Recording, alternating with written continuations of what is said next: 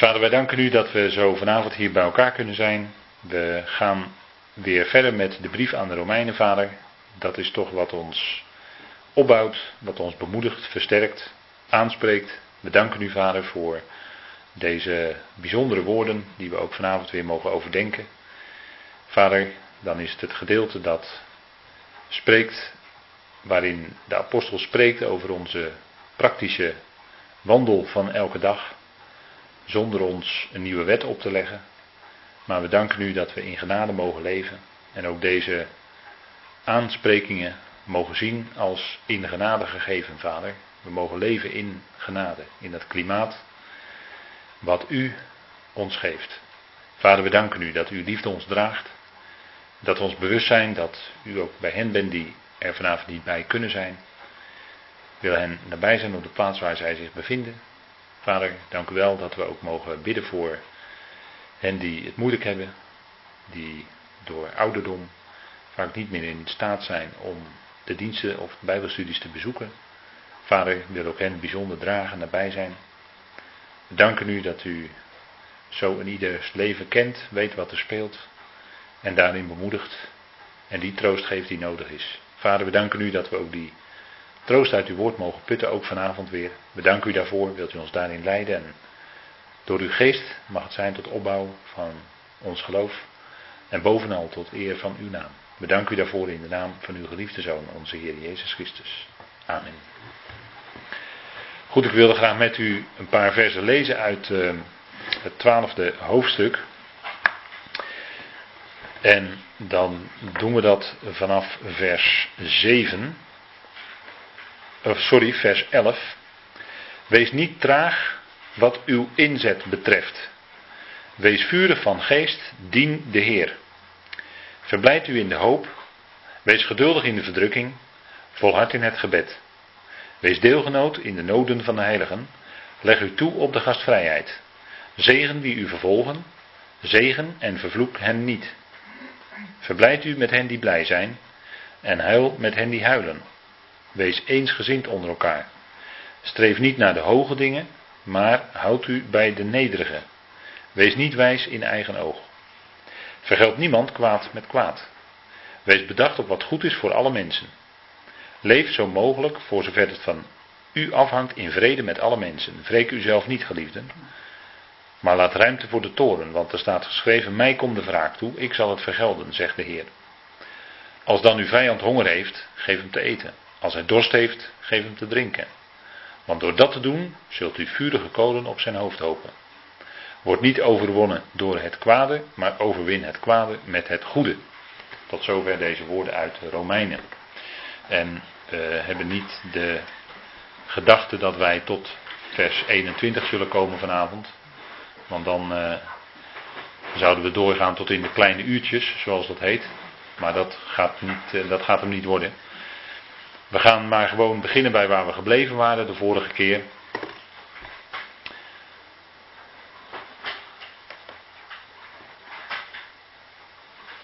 En dat is uh, vers 11. Daar zijn we ook begonnen met uh, lezen. En daar staat: Wees niet traag wat uw inzet betreft.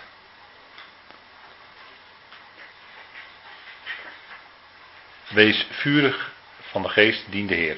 Nou, wees niet traag wat uw inzet betreft. Letterlijk staat er dan in de ijver, niet talmend. En Paulus gaat dan uit van de gedachte dat een ieder lid van het lichaam op een of andere wijze iets, uh, een stukje dienstbetoon doet en daarin zich beijvert om dat te doen. En dat kan van alles zijn.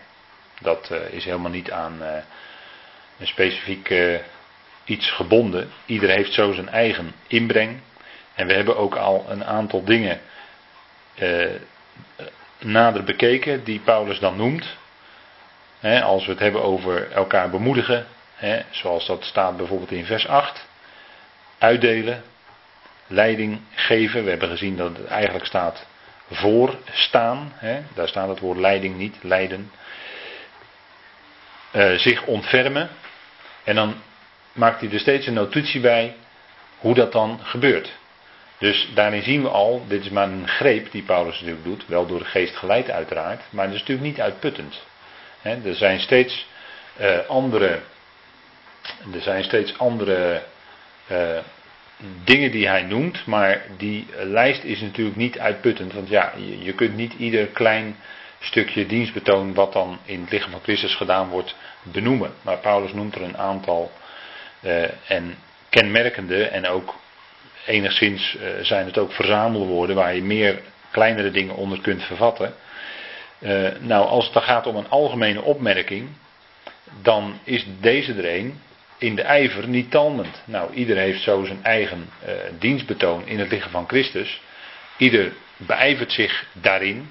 Nou, dat kan zijn dat je helpt bij de zonneschool. Het kan zijn dat je helpt bij uh, stoelen klaarzetten. Het kan zijn dat je helpt bij de zaal schoonvegen. Het kan zijn dat je helpt bij het koffieschenken. Het kan zijn dat je helpt dat je je huis openstelt voor een bijbelkring.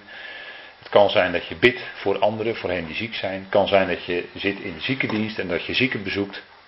Nou, ik ga nu niet verder, want de lijst is niet uitputtend die ik nu noem. Ik noem gewoon maar een aantal dingen. En dat wat je dan doet, zegt Paulus, nou laat je daarin beijveren en wees daarin niet talmend. Hè? Uh, dus niet traag. Dus met andere woorden, in dat dienstbetoon wat je doet, daar vindt je hand om iets te doen. Je, je, moet gewoon doen wat je hand vindt om te doen daarin. Nou, tal hem daar niet in. Als je een mogelijkheid ziet, ga erop af. En uh, het kan best zijn dat er misschien een keer een gelegenheid is dat je ergens op afging of iets deed. En nou, dat bleek niet helemaal uit te pakken zoals jij gedacht had of zoals jij meende dat het moest. Nou oké, dat is dan op dat moment even een stukje lering. En je gaat gewoon weer verder. maar dat zou ons niet traag of talmend uh, hoeven te maken. Maar dan kunnen we gewoon in doorgaan. Maar het is het dienstbetoon wat hij ons geeft. En ik denk dat als we ons opstellen naar Romeinen 12, vers 1 en 2, hè, ons lichaam stellen tot een levend, heilig, hem welgevallig offer. Dat is niet gebonden aan één keer, maar dat is eigenlijk ons hele leven door. En ons denken laten vernieuwen door het woord, hè, door zijn geest. Als we ons zo opstellen als gelovigen, dan zal de Heer ongetwijfeld een stuk werk op onze weg brengen. Wat er dan ook maar is. En we denken niet in groot of klein, of belangrijk of minder belangrijk. Dat, dat, dat, dat, telt voor de Heer gewoon helemaal niet. Het gaat er gewoon om dat wat we doen. Hè. Paulus heeft zegt hier ook heel algemeen, in de ijver. Ja, dan zult u vragen, ja, waarin dan ijveren? Dat zijn wij, dat zijn wij dan. Hè. Wij vragen dat dan gelijk. Waarin dan ijveren? Nee, in de ijver.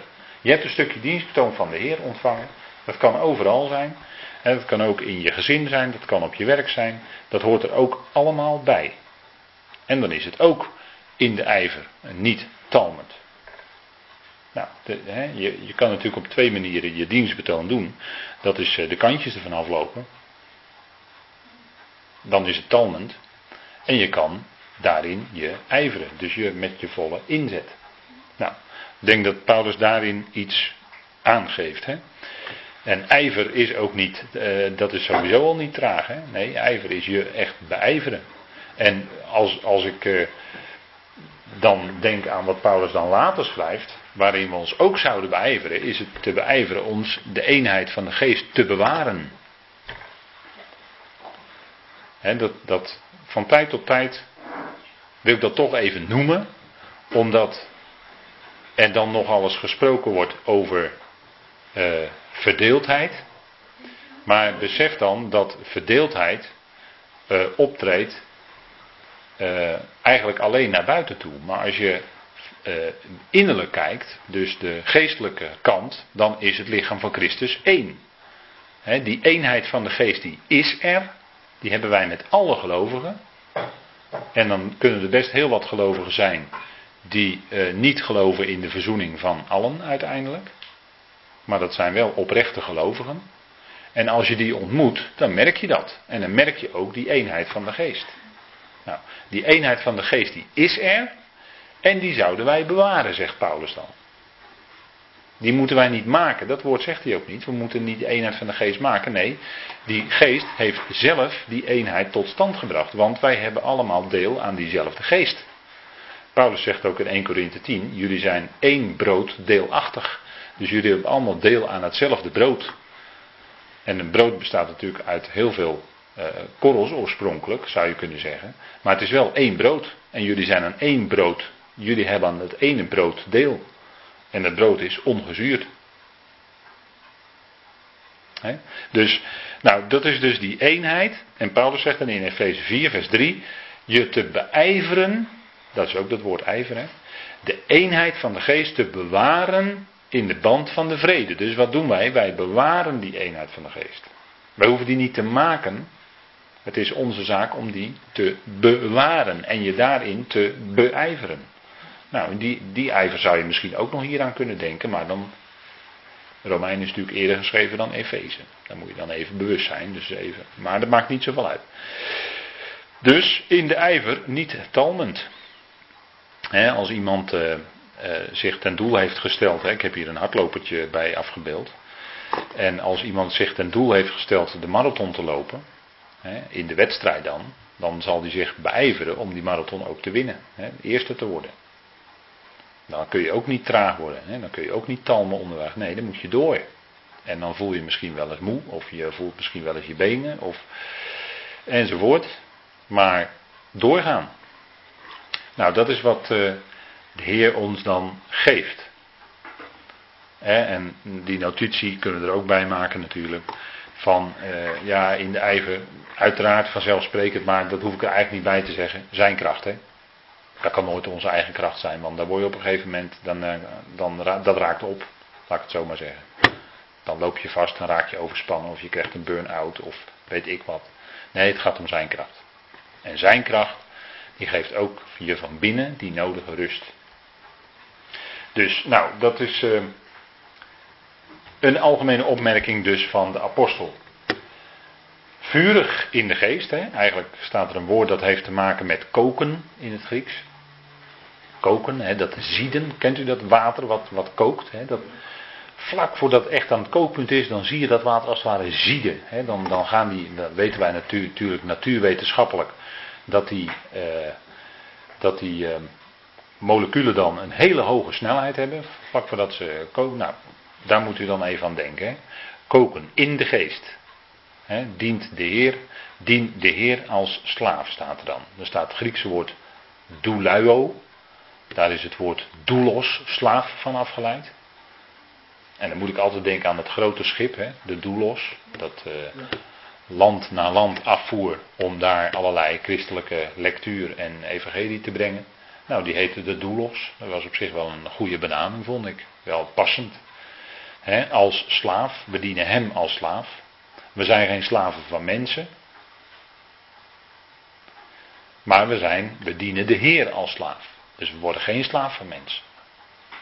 En dat gebeurt in de, als ik heel algemeen spreek, dan gebeurt dat in de christelijke gemeente wel. Dat mensen eigenlijk in slavernij zijn onder andere mensen. Hm? Maar Paulus zegt hier ook, dien de Heer als slaaf. Het is niet dien de mens. het kan best zijn dat je wel je ten dienste kan opstellen voor anderen. Denk maar aan ziekendienst bijvoorbeeld, hè, simpel voorbeeld. Nou, dan stel je ten dienste op om die zieken te bezoeken. Maar daarin dien je de Heer. En zo zou het ook zijn, hè, dat we daarin de Heer dienen. En ook niet onszelf, nee, we dienen de Heer. Dus op die momenten die Hij geeft, stellen we ons ter beschikking en dienen we Hem, dienen we onze Heer. En Hij bepaalt het tempo, Hij bepaalt uh, wanneer en hoe, hè, dat, dat komt vanzelf. Dus zoals hij als mens diende, hè, kun je als notitie erbij zetten, er, eronder vervatten, zoals hij zijn God diende, hè, toen hij hier op aarde rondwandelde. Nou, toen deed, hij, toen deed hij en zei hij ook allerlei dingen die hem nou door de mensen niet bepaald in dank werden afgenomen. Maar hij diende zijn God. Hij diende geen, hè, hij was geen slaaf van mensen. Nee, hij diende God. En daarom sprak hij ook de mensen niet naar wat ze graag wilden horen. Dus hij kietelde het gehoor niet.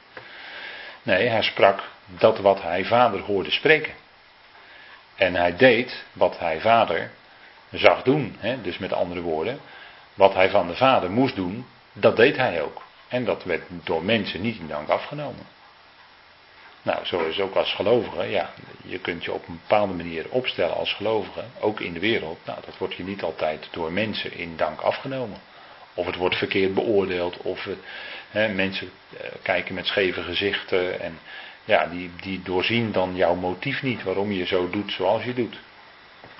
Nou, dat kan je dan. Eh, maar als je gaat kijken naar de ogen van mensen, ja, dan heb je eigenlijk geen leven meer. Want op het moment dat je denkt van nou, als je kijkt naar de ogen van mensen, dan denk je van nou, nou doe ik het voor die en die wel goed. Dan zal ik bij die wel in het pulletje vallen. Op datzelfde moment heb je dus een conflict met iemand anders, want die waardeert dan helemaal niet wat je doet. Dus dan moet je die weer tevreden stellen. Nou, u begrijpt wel, dan is het tot in het oneindige en dan kom je er nooit. Dan loop je vast. Want je doet het nooit goed. Maar het gaat er ook voor ons om, om de Heer te dienen. Eén is uw meester en jullie zijn alle broeders. En de Heer was ook zelf niet gekomen om te heersen, nee, hij was gekomen om te dienen. En zichzelf te geven als losprijs voor velen. Dus het gaat om dienen. Het gaat niet om heersen voor ons, maar het gaat om Hem dienen. En dat is wat eh, Paulus hier toch sterk naar voren brengt. Hè?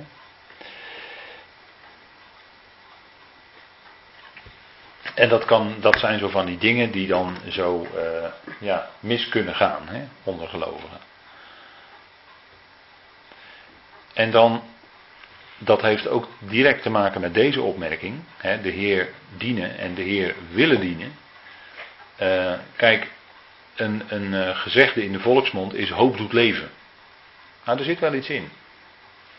Kijk, als een mens geen hoop meer heeft, nou ja, dan heeft het leven ook weinig zin meer. Hè? En als een gelovige niet leeft in de verwachting dat de Heer komt, zoals Paulus dat wel in zijn hele leven deed, ja, dan heb je weinig uh, motivatie meer.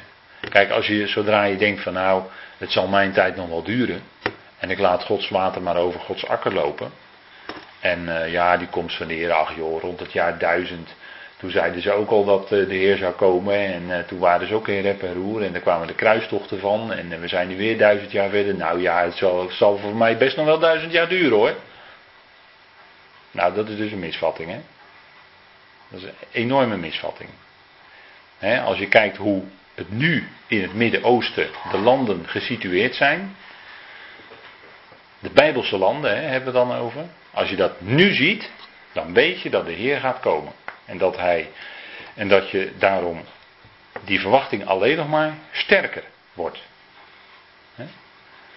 Kijk, ik vind dat een geweldig voorbeeld van broeder Nog, toen hij oud geworden was. Maar reken maar dat hij zijn hele leven uh, naar de Heer heeft uitgekeken. In die verwachting leefde van de bazuin. Maar toen hij oud geworden was en eigenlijk weinig meer kon en bijna blind was, toen zat hij in een rolstoel en toen uh, wilde hij elke dag naar het raam gereden worden. En dan ging hij uit het raam kijken, voor zover zijn ogen dat toestonden, om te kijken of de Heer er al aankwam. Moet, moet je eens even kijken, dan leef je dus echt in de verwachting dat hij komt. Hè? Terwijl hij ook niet de dag of uur wist. En dat weten wij ook niet. Maar ik vind dat wel een geweldig voorbeeld voor ons als gelovigen. Hoe hij dat deed. Nou, daar spreekt natuurlijk een geweldige verwachting. En daarin verheugt hij zich. Hè? Dan zie je helemaal wat hier staat. In de verwachting je verheugend. En je kunt natuurlijk allerlei argumenten bedenken. Waarom jij denkt dat de komst van de Heer nog wel 50 jaar uit zal blijven. Daar kun je natuurlijk allemaal, allemaal argumenten voor verzinnen. Maar volgens mij, als je dat soort argumenten aan het verzinnen bent, dan denk ik daarbij, dan eh, wil je gewoon nog hier, je, je, dan heb je het hier best wel goed op aarde, dan heb je wel een leuk leven waarschijnlijk. En je wil misschien nog dat je kinderen krijgt en dat je kleinkinderen krijgt en dat je die nog ziet opgroeien enzovoort. Ja, we hebben altijd wel wat te wensen over. Zo blijft het maar doorgaan. Hè? Nou, maar ik denk dat dat wensen zijn naar je eigen hart hoor. Dat je denkt van nou, de Heer kan nog wel, eh, het kan nog wel 50 jaar duren. Nee. Je moet naar de schrift kijken. Hoe zaken zitten.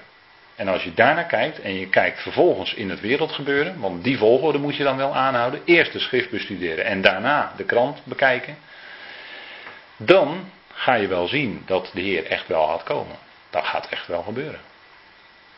En dan kunt u zeggen, ja, dat dachten ze in de jaren 70 ook al. In de 1981 hadden ze die constellatie van die planeten, weet u wel. Die studie die er toen was, toen dachten ze ook dat het bazuin zou klinken. Maar goed. En nu zijn we 30 jaar verder. Ja, ik ken al die argumenten wel. Maar dan zijn we dus 30 jaar dichter bij zijn komst. Hè? Zo kan je het natuurlijk ook zeggen. Dus dat betekent dat wij ons in die verwachting, in die geweldige verwachting, ons verheugen. En dat is natuurlijk niet alleen de bazuin, maar alles wat daarna komt, want er komt een nieuwe schepping aan. We leven nu in de oude schepping. En dan kunnen we zeggen, ja, we hebben het hier goed. Ja, hier in Nederland hebben we het goed, maar ga maar eens gelovigen interviewen in Noord-Korea. Of in China. Of in uh, strenge islamitische landen. Saudi-Arabië. Dan ben je je leven niet zeker. Als je beleidt dat je een christen bent, als je gelovig bent, ben je je leven niet zeker. Dat is een hele andere koek hoor. En dan moet je die mensen maar eens vragen hoe dat zit. Nou, in de verwachting je verheugend. Die oude schepping die gaat gewoon voorbij. Paulus zegt dat ook hè, tegen zijn broeders in 1 Korinthe 7. Broeders, de tijd is kort. Bij Paulus al, in zijn dagen. De tijd is kort. En hij verheugde zich in die verwachting. Hè, die verwachting van het zoonschap. Romeinen 8. Je kunt natuurlijk een hele lijst maken uit zijn brieven. Wat hij allemaal over verwachting heeft geschreven. Nou, zijn brieven staan er vol mee. wij leven in de verwachting van het zoonschap. De vrijkoping van ons lichaam. Ja, als je gezond en sterk bent, dan heb je het allemaal wel goed hier. Maar zodra je ziek wordt, dan wordt het een ander praatje hoor. En dan zal in die ziekte zal de Heer je ook vertroosten. Daar ben ik van overtuigd. Dan gaan woorden ineens op een hele andere manier uit zijn woord tot je spreken. Juist als je ziek bent. Of het moeilijk hebt. Of in verdrukking bent. Want daar gaan de volgende versen over. Hè. Dat zit allemaal aan elkaar vast. Nou, in de verwachting je verheugend. Soms denk ik wel eens dat je van sommige gelovigen je, je eigenlijk niet meer mag verheugen in de verwachting. Dat denk ik wel eens. Maar goed, ik hou er nu over op, anders dan zegt u van het wordt vervelend. Maar dat is wat de apostel hier zegt. Hè? In de verwachting je verheugen. Dus toch dan bijbels, als je dat doet, staat hier toch? Ja. Ja, ik kan er niks anders van maken. Dit staat er. Dus dat doen we dan. Hè? Nou, goed, in de verdrukking volhardend. Maar denk erom dat je aan, in die, aan die verwachting heb je iets geweldigs in je verdrukking. Want die verwachting, dat je een verwachting hebt, hoop doet leven, dat je een verwachting hebt, is juist in verdrukking een kracht om te kunnen volharden. En daar heeft Paulus het hier ook over. Dus je moet ook kijken naar de context. En dan wordt het alleen maar sterker, denk ik. In de verdrukking volhardend. Wat is verdrukking? Verdrukking is als je ingeperkt wordt. Dus het Griekse woord tlipsis. Dat betekent je wordt ingeperkt. Je wordt beperkter in je mogelijkheden. En waardoor kun je ingeperkt worden? Nou, door een moeilijke levenssituatie.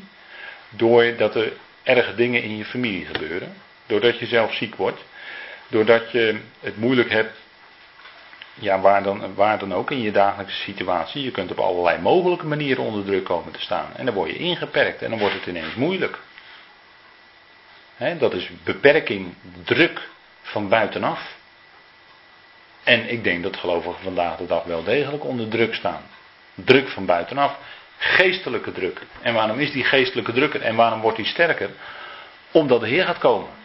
En dan gaan de geestelijke machten die gaan zich meer roeren te midden van de hemelingen. Vijandige geestelijke machten bedoel ik dan. En die zetten de gelovigen verder onder druk. Dat wordt steeds sterker naarmate de Heer dichterbij komt. Want dan weten de geestelijke machten, als die Heer gaat komen, gaat hij zijn koninkrijk oprichten. En er wordt de tegenstander uit de hemel geworpen. Dat soort zaken hebben we dan over. En wij zijn bedoeld voor te midden van de hemelingen. En dat weten ze, de hemelingen. En dat, weet de, dat weten de mensen ook die onder beslag zijn van hemelingen. Die onder beslag zijn van de hiërarchie van de meesters van de wijsheid. Nu heb ik het over de Maitreya en dergelijke. Hè, en over de New Age. Ik ga er niet te veel over zeggen, maar dit, dit geeft druk op gelovigen. En men wacht heel bewust aan die kant, wat ik net noemde. Men weet dat de opname van de gemeente komt. En men wacht daarop in die geestelijke wereld. Dat is bekend. Men wacht daarop tot die weerhouder weggenomen is. En dan kunnen ze de plannen allemaal doorzetten. Zo zit het. Nou, dus die verdrukking, die gaat alleen maar verder toenemen naarmate zijn komst dichterbij is. En dan is het zaak om eronder te blijven. Ook dat kun je niet in eigen kracht. maar ook daarvoor hebben we zijn kracht en zijn genade dagelijks nodig. Volhardend, daar staat letterlijk in het Grieks onder blijven. Dus dan blijf je eronder. En je kunt staande blijven, geestelijk gezien, nou, door het evangelie, want dat is Gods kracht tot redding, ook om staande te blijven. En dus in die verdrukking volhardend, zegt Paulus. En steeds weer, dat hebben we vorige keer al even, is dat naar voren gekomen. Steeds weer is het niet van je moet volharden. Nee, het is steeds in de verdrukking volhardend. Het is nooit, Paulus zet er nooit een moeten op. Maar het is altijd een liefdevolle aanwijzing, een bemoediging voor de gelovigen dat we in de verdrukking kunnen volharden. Want Hij, onze Heer, kan medevoelen met onze zwakheden. Omdat Hij net als ons hier op aarde mens is geweest. En weet wat er in ons omgaat. En Hij kent ons hart. En Hij weet wat er in ons leven speelt. En Hij is nabij. Juist als mensen te hoop lopen en je onder druk zetten, dan beseffen we, de Heer is nabij. Filippenzen 4 vers 5. Bekende woorden. Nou, hij is nabij, juist in druk en verdrukking. En u ziet dat we hier eigenlijk gewoon bezig zijn, dat Paulus hier eigenlijk gewoon bezig is opnieuw met Romeinen 5, want daar staan gewoon dezelfde dingen. Hè? Weten dat de verdrukking volharding bewerkt. Dus heeft hij het over dezelfde begrippen. En, en dan weet u dat verder zelf al in te vullen. En de volharding beproefdheid. En de beproefdheid die verwachting. En dan zijn we weer bij die verwachting, hè? hadden we het net al over. Had Paulus het ook net al over. Dus hij is gewoon hier met Romeinen 5 bezig. Alleen hij laat zien, kijk, zo gaat dat door in ons dagelijks leven. dus hij past hier gewoon Romeinen 5 toe. In ons dagelijks leven, zeg maar. Zo, zo kun je dat zien. En dat die verdrukking, die bewerkt, want dat staat er dan ook, die bewerkt in ons volharding ook dat is weer iets wat God in ons uitwerkt. Dat is ook iets wat God in zijn genade ons schenkt. Als wij in verdrukking zijn. dat hij volharding schenkt. Nou, dat heeft alles te maken met zijn geest. Dus die, in die verdrukking, in nood, in moeilijke situaties waarin wij beperkt worden, waarin je van buiten onder druk staat en van binnen misschien wel benauwd bent, dan schenkt hij zijn vertroosting. En die troostvolle woorden, die krijgen dan ineens in je leven een enorme kracht. Want het kan best zijn dat je zo onder druk komt, dat je, ja, dat je eigenlijk wel niets anders kan dan ertoe gedrongen worden om zijn woord erop na te slaan. En om zijn woordje te laten vertroosten. En dan spreekt hij tot je hart. In de woestijn van je leven. Weet je nog die kameel? Die heeft bulten vol met water. Dat is het woord van God. En zo komt die kameel de woestijn door. Prachtig beeld van een gelovige natuurlijk. En dan kun je in de zandstorm toch gewoon doorlopen.